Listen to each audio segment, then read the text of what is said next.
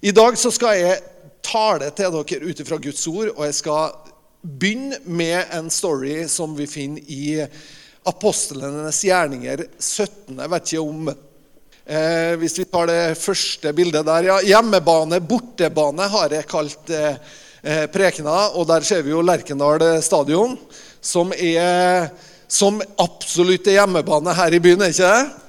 Det er, det er, liksom Guttedrømmen er å få lov å spille der for dem som spiller fotball.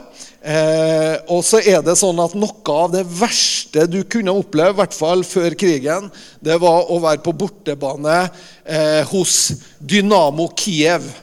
Det er en av de mest berykta bortebanene som finnes. Det er sånn at Når du kommer der som bortelag, så er det sånn at du går inn under, eh, under tribunen til hjemmefansen. Og det er en sånn lang tunnel du går inn, og oppå den tunnelen så står hjemmefansen og tramper. Sånn at det drønner skikkelig. da. Og Det er noe av den verste fotballopplevelsen du kan ha. liksom. Du, du blir skikkelig sånn Scary movie. Eh, så, så og det er veldig stor forskjell på det å, å, spille på bortebane og det å spille på hjemmebane. Det er, det er til og med sånn at eh, i, i, i, en del serier, eller uh, Premier League f.eks., og sånne serier, så er det sånn at du Poengene teller forskjellig. Måla teller forskjellig om det er et bortemål eller et hjemmemål. Fordi at man vet at det er såpass mye mer krevende å spille på bortebane så tror jeg at vi trenger å lære oss å spille både på hjemmebane og på nøytral grunn og på bortebane. Men det som er med oss kristne, det er ofte det at vi trives veldig godt på hjemmebane. Hjemmebane for oss, det er når menigheten samles. Det er når lovsangsteamet er i god driv. Og vi liksom kjenner at eh, Guds ånd er her, og vi kjenner liksom Å, det her var godt, ja. Å, her vil vi være. Altså, eh, litt sånn Peter, eh, Peter er, med Johan, eh, er med Johannes og, og, Jesus og en til opp på fjellet, og så kommer Elias og Moses. og Å, her er det godt. La oss bygge ei hytte her. Her vil vi være. Ikke sant? Og Det er liksom lovsangskveld i kirka. Vi, kan, vi har hjemme alenefest. Vi priser Gud uhemma. Og, og liksom, vi spøler rundt i lovsang og syns at livet er fantastisk. Da er vi på hjemmebane. På hjemmebane da snakker vi samme språket. Vi skjønner språket til hverandre. Vi er, vi er nesten enige i alt. Sant? Og der trives vi kristne så umåtelig vel. På denne hjemmebanen der vi liksom, alt er trygt og alt er godt. Men hvis vi går til eh, Johannes eh, nei, Unnskyld, Apostlenes gjerninger, eh, kapittel 17, så skal vi begynne der i, i vers 16. Og Her møter vi Paulus, og Paulus han, han er i Aten. Og han venter på noen kompiser i Aten, og så møter vi det her. Han ble opprørt i sin ånd da han så at byen var full av avgudebilder. Eh, bare husk dette verset nå. Dette er Paulus sin inngang til Aten. Han blir opprørt i sin ånd når han møter det han møter i, i, Aten. Og jeg tror at det mange ganger er nettopp sånn for oss også at i det samfunnet vi er en del av, i det som skjer rundt oss, kan vi ha denne samme opplevelsen som Paulus har. Vi blir opprørt, vi blir bedrøva, vi blir engstelige. Det er noe som rører ved oss. Stemmer det? Ja. Vi bærer på en lengsel etter at ting skal være annerledes. Men jeg har lyst til at du bare husker denne uttalelsen her.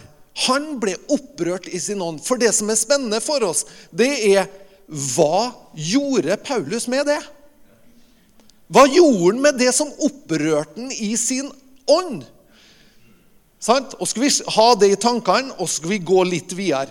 Og skal du få se de her hjemmebaner og bortebaner i Paulus sitt liv. Og Da står det i kapittel 17 og vers eh, Det kom ikke med på sliden der, men vers 17 og 18 skal vi ta med. Inn I synagogen førte han samtaler med jødene og dem som dyrket Gud. Det var hjemmebane. Sant? De som dyrka Gud. Der var det koselig å være. Wow! Der var det fine samtaler, vet du. Der drøfta vi liksom lite likeverdet, og vi var, ja, var litt sånn småuenige om noe småpjask, men stort sett så var det greit å være der. Sant? Men så utvida han litt. På torget, eller på agoraen, snakket han hver dag med dem han traff der. Da er det litt sånn på nøytral grunn. Da er det litt sånn, da, da, snakker vi, vi møter folk, og så er vi litt sånn Ja, ja, det er, verken, det er ikke hjemmebane til noen av oss, egentlig. Men det er en, et, et, åpent rom for samtalen. Det er et åpent rom for Det er kanskje liksom vi slår av en prat med en, med en eh, kollega eller noe. Det er liksom Rommet er åpent. Vi er litt sånn Verken eller, men det går an, og vi, vi, får en liten samtale, og det er litt hverdagslig, og så er det kanskje isbedd noe om tro der. Og, sant? Men ingen av oss som kan si at ja, her bestemmer jeg Men her er rommet fritt. Og der var Paulus. Og så syns jeg det var nydelig. Vi hadde et sånt felleskristent eh, inspirasjonssamling nå på torsdag. Eh, og da fikk vi høre noe som varma meg veldig godt. da, For vi har jo ofte hørt det at vi skal, vi skal forkynne evangeliet liksom seint og tidlig, og om nødvendig med ord. En, vi har hørt den, og vi er jo enig i det. Vi er jo enig i det, Men nå på torsdag fikk vi høre det at vi måtte faktisk bruke ord òg. Eh, og det er litt viktig å si. At vi må våge å sette ord på troa vår. Vi må våge å formulere troa vår og prøve henne litt. Hvordan høres det her ut? Jeg vet ikke om det, er sånn med deg, men jeg, i hvert fall så er det noen gang sånn at jeg har ideer oppi hodet mitt, og inni her så høres de veldig smart ut. Her inne så er det liksom Wow! Woo! Der er vi, sant? Men når jeg da sier det, så liksom Hva var det der, egentlig? Har du, har du testa ut den noen gang? sant? Ja, og Det betyr egentlig bare det at det betyr ikke at ideen var så dum, men, men prøv å snakke den ut. Hør hvordan det høres ut. Hvordan høres, Henger det her på greip, liksom? Og jeg tror på en måte det at å være på agoraen, det er liksom det å være en plass der også våre meninger slipes litt. Sant? Fordi Det er greit at vi sitter i kirka vår og så er vi enige med alle om alt. Men det er noe annet når du må bryte meningene dine imot noen som tenker litt annerledes. Og det er ikke farlig. Noen av de epikureiske og stoiske filosofene diskuterte også med ham. Og noen sa, 'Hva er det egentlig denne pratmakeren har å si?' Det, altså, da er du, Jeg mener at du kommer langt.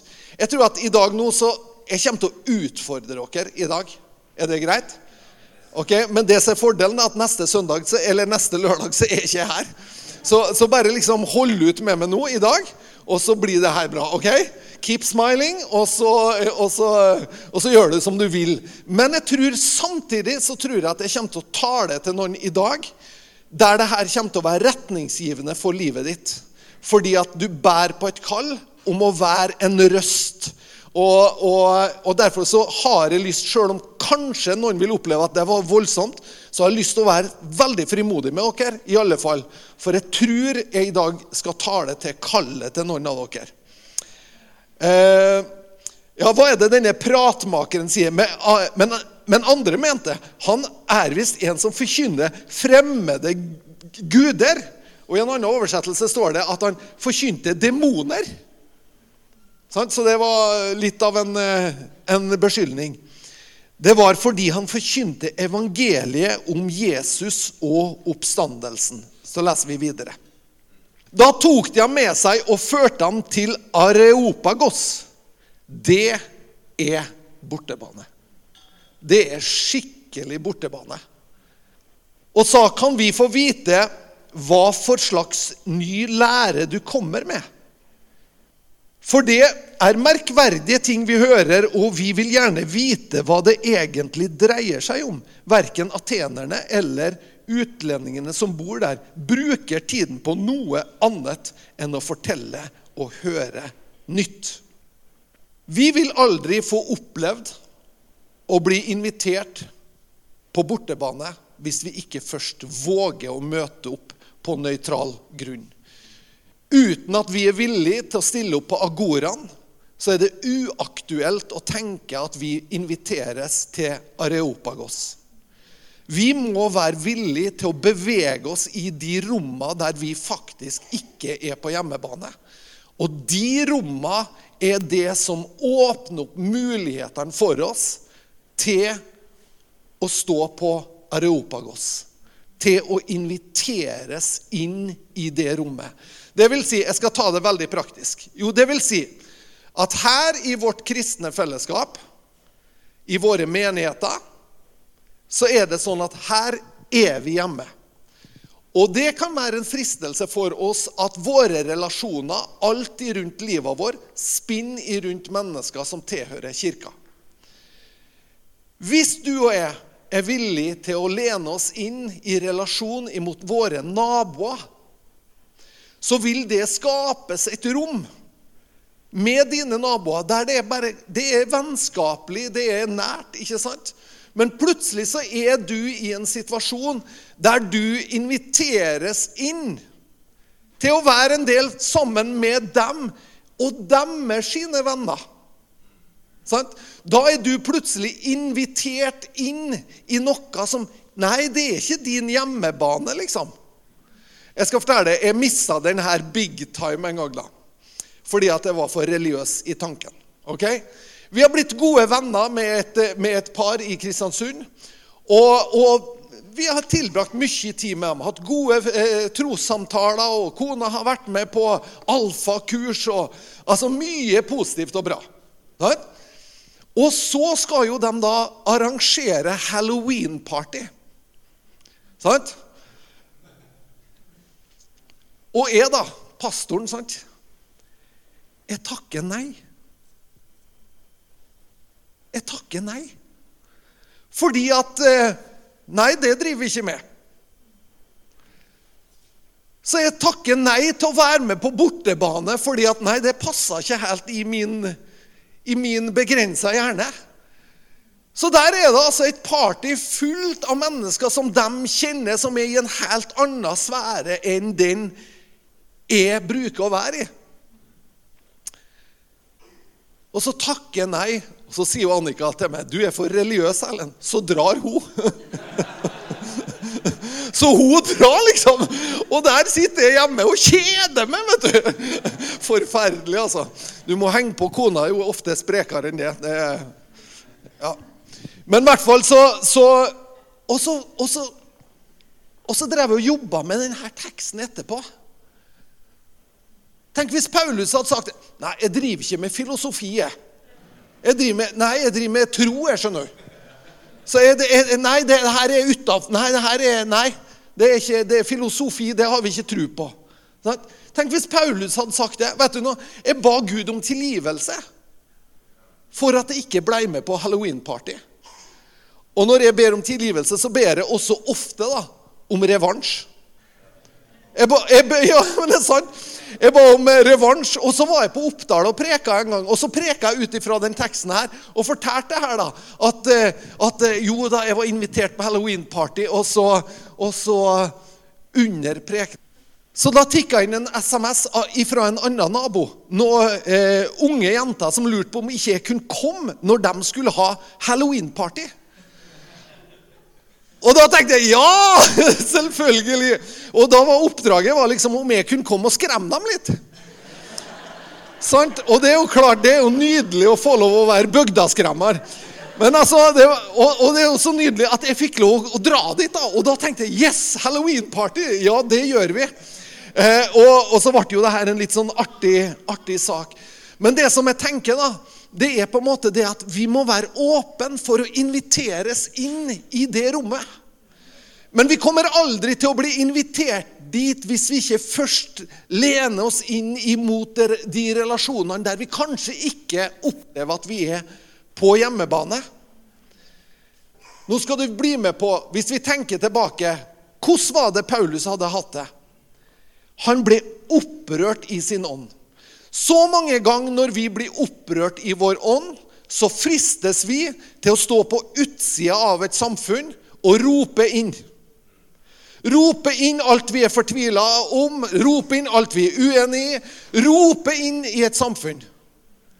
Vi stiller oss på utsida, og så kritiserer vi det samfunnet som vi er en del av. Det er i hvert fall en fristelse. Men tenk deg, her er Paulus. Han blir invitert, og så tar han oss med på ei undervisning egentlig i hvordan du kan nå inn i mennesker som du er helt uenig med. For det er det han gjør. Og det første Paulus gjør, sjøl om det hele begynner med at han er opprørt i sin ånd, så det første han gjør, det er at han roser atenerne. Han gir ros. Og jeg tror ikke det er liksom bare sånn Ja, nå jeg fant på noe her. Men han, altså, samme hvem du treffer, samme hvilke mennesker du treffer, så fins det alltid noe godt i dem. Det fins alltid noe som er positivt. Vi jeg og Annika vi har jobba med fosterbarn i, i, nesten 20 år. Og vi møter foreldre som vi veit på en måte forårsaker at dette barnet må bo i fosterhjem. Sant? Mens vi prøver da å leite etter det positive. Hva positivt kan vi si? Hva kan vi rose? Hva kan vi oppmuntre? Og så vet vi at det er ganske annerledes hvis de møter oss, og vi kan løfte dem opp for noe av det de er, istedenfor at de møter et system der alle er negative til dem. Og man bare har nederlagsfølelse.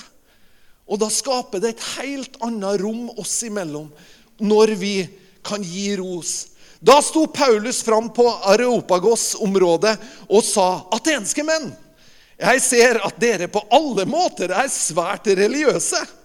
For da jeg gikk omkring og så på helligdommene deres, fant jeg et alter med denne innskriften. For en ukjent Gud. Det som dere tilber uten å kjenne, det forkynner jeg dere. Ros. Og så går han videre. Og så gjør han ei ominnramming og ei ominnramming, det er på en måte den, den, det, Var ikke det et fint ord? Ja, jeg var litt fornøyd sjøl der, altså. Ominnramme, det vil si altså at du, du på en måte du, du, får, Hvis du får et spørsmål, da, så kan du ominnramme, og så kan du på en måte ta med på en tankerunde, sånn at du inkluderer mennesker. Og det gjør Paulus. For han er egentlig, hvis du tenker da, egentlig så er han imot alt han ser nesten i Aten. Han har funnet ett alter som han likte, liksom. For der kan du med godvilje lese inn Gud. For det er jo det som skjer. Så han leser, og det gjør han. Men så omminner han for å ta dem med på tanken. Så sier han Gud, han som skapte verden og alt som er i den, han som er herre over himmel og jord, han bor ikke i tempel reist av menneskehender. Han trenger heller ikke no, eh, trenger heller ikke noe av det som menneskehender kan tjene han med. Det er jo han som gir liv og ånde. Ja, alt til alle. Er de med meg, liksom? Altså, Hvordan kan vi tenke at hvis Gud har skapt alt, så er det jo ganske rimelig å tenke at han har egentlig ikke noe behov for noe av oss? Er det med, atenere? Skjønner de tanken, eller? Og da mener de å ja å ja. For den er vi jo med på. Hvis Gud er Gud, og han er skaper av alt liv, hvem er vi som tror at, at det kommer en kylling, eller det kommer et kje, eller at det kommer noe lite til han, så Å, det var akkurat det jeg trengte i dag. Nei, Gud har jo ikke behov. Og på den ominnramminga så er atenerne med. Så langt henger vi på Paulus. Og så fortsetter han, og så inkluderer han dem. Av ett menneske har han skapt alle folkeslag. Han lot dem bo over hele jorda, og han satte faste tider for dem, bestemte grenser for deres område. Dette gjorde han for at de skulle søke Gud. Om de kanskje kunne lete seg fram og finne ham. Han er jo ikke langt borte ifra en eneste en av oss. Hva du er inkludert. Han kommer til en by. Han blir bedrøva i sin ånd, for de er langt borte fra Gud. Men budskapet hans til dem er dere er jo ikke langt borte ifra Han en eneste en av dere. Og det er like sant i Trondheim. Det er like sant i vårt nabolag. Det er like sant i vår vennekrets blant våre kollegaer og medstudenter. Gud han er ikke langt borte ifra en eneste en. Han er nær til hvert menneske. Gud er personlig begeistra og involvert i hvert menneske. Og det er, en, det er, en, hjelp for oss å kunne tenke det. Ikke, det betyr ikke at han er begeistra for alt vi gjør som mennesker. Men i bunn og grunn så er han begeistra for oss og lengtende etter oss som individer. Og Gud han tenker 'Å, jeg har så mye godt for han der'. Jeg har så mye godt på lager for henne. Å, jeg gleder meg til å vise min godhet. Han lengter som en far lengter etter sine barn. Så lengter han etter hvert individ. Det vil si, Gud er ikke langt borte. En gang så snakka jeg med en mann. Han hadde levd som en kristen, og så hadde han vendt Gud ryggen. Og han opplevde i sitt eget liv jeg har gått langt, langt, langt bort fra Gud. Og så tenkte han det er, hvis jeg noen gang kommer til å vende meg til Gud igjen, så har jeg så langt å gå tilbake. Men vet du hva han opplevde? Han opplevde at den dagen han bestemte seg for å vende seg tilbake til Gud, så var Gud rett der og tok imot den. Det var ikke noe lang vandring tilbake. For Gud er ikke langt borte fra et eneste menneske. Han er nær hvert menneske. Og her inkluderer han atenerne. For det er i han For det er i han vi lever, beveger oss og er til. Som også noen av deres diktere har sagt. For vi er hans slekt. Og så, når han har rosa dem, han har ominnramma, han har inkludert dem, da kommer Paulus sitt budskap. Da leverer han det budskapet han er kommet for å gi dem, eller som han opplever. Men nå, det, nå er de liksom litt pigg. OK, Gud er ikke langt borte fra en eneste Wow! Sånn, de er der, da. Og så Fordi vi altså er Guds slekt, må vi ikke tenke at guddommen ligner et bilde av gull eller sølv. Da tar han jo et oppgjør med alle de her alterne og alt han har sett, egentlig. Men liksom Ja, ja, OK, vi er med litt ennå. Sant? Eller stein formet av menneskers kunst eller tanke. Disse tidene med uvitenhet har Gud båret over med. Men nå befaler han at alle mennesker, hvor de enn er, at de må vende om.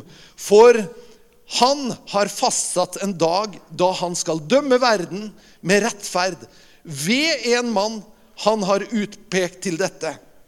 Det har han bekreftet for alle mennesker ved å reise han opp ifra de døde. Så budskapet til Paulus er jo omvendelse til dem her. Men måten han altså tar sin bedrøvelse, tar med den, bearbeider det som bedrøver han, og så former han det til noe som treffer atenerne, som berører dem. På samme måte tenker jeg at du og jeg kan også på en måte ta det vi ser, og så kan vi skape en lengsel og en kjærlighet til våre omgivelser som gjør at vi bringer et budskap der mennesker får en opplevelse av at Gud ikke er langt borte ifra oss, og at vi kan søke Han sammen. Og her er litt sånn uh, 'Walking people home'. Det her er en sånn, Jeg prøver å tenke sånn når det gjelder mennesker. For veldig ofte så er vi som kristne vi er litt sånn at vi, vi feirer når folk kommer til Kristus. Da er det liksom Woo! Eh, og vi har en, eh, en, en, ung mann som var sammen med oss litt i sommer. Han kommer fra en ikke-kristen familie, men han var med oss litt på ferie i sommer. Eh, noen og 20 år gammel. og har liksom aldri vært i en kristen setting. Men så var han med oss litt i sommer, og så, og så tenkte ikke vi heller. Men vi hadde noen sånne små samtaler. Han spurte bl.a. med en morgen så spurte han, ja, Erlend, hvordan ble du en kristen? Og, og jeg tenkte, ja, så forklarte han litt av det, men jeg, jeg var egentlig ikke der at jeg tenkte at det her, eh, eh, dette er trossamtalen. Men jeg bare tenkte, ja, jeg sa litt om det, og sånn og sånn, og jeg sa litt om at jeg hadde ufred på innsida, og så ba jeg til Gud, og, og han fylte livet mitt, og så kom det fred, da. Og så viste det seg at den samtalen den morgenen den hadde jobba inn eh, hele sommeren. Og så møtte jeg han igjen eh, noen måneder etterpå.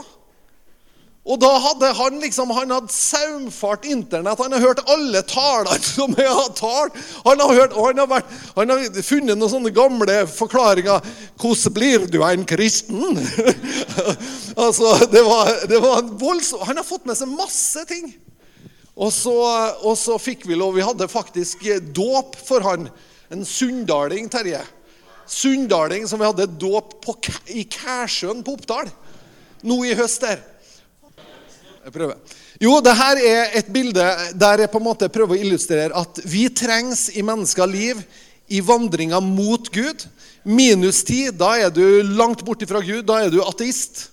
Og du tror ikke det fins noe Gud. Du tror bare tull, tøv, eventyr, sludder, vås, pølsevev. Nullpunktet Nullpunktet det er der vi møter Kristus. Det er der vi kommer til oss sjøl. Det er der vi kommer hjem. Sant? Og så er pluss ti. Da da er du som Paulus. Altså, da er du liksom da er Peter, Paulus, Håvard! Er du, pins, er du pinsepastor, så ligger du på sju, eller noe sånt. Tre, ja. Men det her er noe som hjelper med i det at jeg jobber med folk så hjelper meg å tenke det at vet du, jeg vil feire når jeg er med i et menneskes liv som går fra minus 10 til minus 9. Det syns jeg er nydelig. Å få en eh, ateist til å innse at nei, det er kanskje ikke ateist, det er kanskje jeg er mer agnostiker. Jeg, ja, jeg er åpen. Og En gang så snakka han han var ateist, men han trodde på en universell kraft. Det er veldig artig. Ja, Det er jo kanskje ikke ateist. Du, du, er vel, du, er vel, litt åpen for at det fins noe mer enn du Ja, ja, ja. Er, ja, jeg tror det finnes en universell kraft. Ja, ja og så sier jeg at eh, Men er det noe i veien for at du kan tenke at den uh, universelle krafta er, er i én person? Nei, egentlig ikke. Nei, Men hva hvis vi våger å kalle han Gud, da? Kan vi gjøre det, tror du? Ja, egentlig så kan vi det. Ok, da, da, har du tatt noen steg. Og jeg tror mange ganger da, så opplever jeg det at eh, mennesker er ganske fragmentert i sitt trossystem, egentlig. Altså det vil si at de, de plukker masse ting fra masse De plukker egentlig hver lærdomsvind. Det som er populært i tida og men og synes og tenker noe om, det mener vi så vi henger på.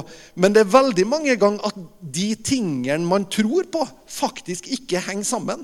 Det er ikke holistisk, det er ikke helhetlig. Og det henger ikke i hop. Men der bærer vi faktisk ei tro der vi prøver å få Der ting henger i hop. Det er et helhetlig bilde og et helhetlig syn på mennesket. Så det syns jeg er spennende. da. Men det her er på en måte en skala der du kan bare ha med deg i tanken. Hvor er det her mennesket? Hvilket jordsmonn snakker til? Hvem er jeg i berøring med? Er det noen, Ja, jeg har ei bestemor som, som, var troende, og jeg vet at hun har bedt for meg. Kjempeinformasjon. Da vet du at du spiller på lag med noe som bor i det mennesket. Skjønner du? Så det å hente inn altså Hvilket jordsmonn snakker vi om? Hvor er vi hen? Ikke sant? Og så kan vi istedenfor at vi skal rushe mennesker til nullpunktet, så er det sånn at Kom og heng med oss. Og så vet jeg at troa kommer av forkynnelsen. Troa kommer av forkynnelsen, og forkynnelsen kommer i kraft av det ord vi hører. ikke sant? Så Jeg vet at, jeg, jeg husker en gang jeg hadde med ei dame fra Kristiansund. En litt sånn fin dame. Hun, hun, hun, begynte å bli interessert, men hun trodde ikke. Og så hadde hun meg på et husmøte på ei, på ei øy som heter Tusna. Og så plutselig, mens jeg holder tale, da, så begynner hun som liksom er en del av teamet mitt fra Kristiansund, da, så begynner hun å stille spørsmål.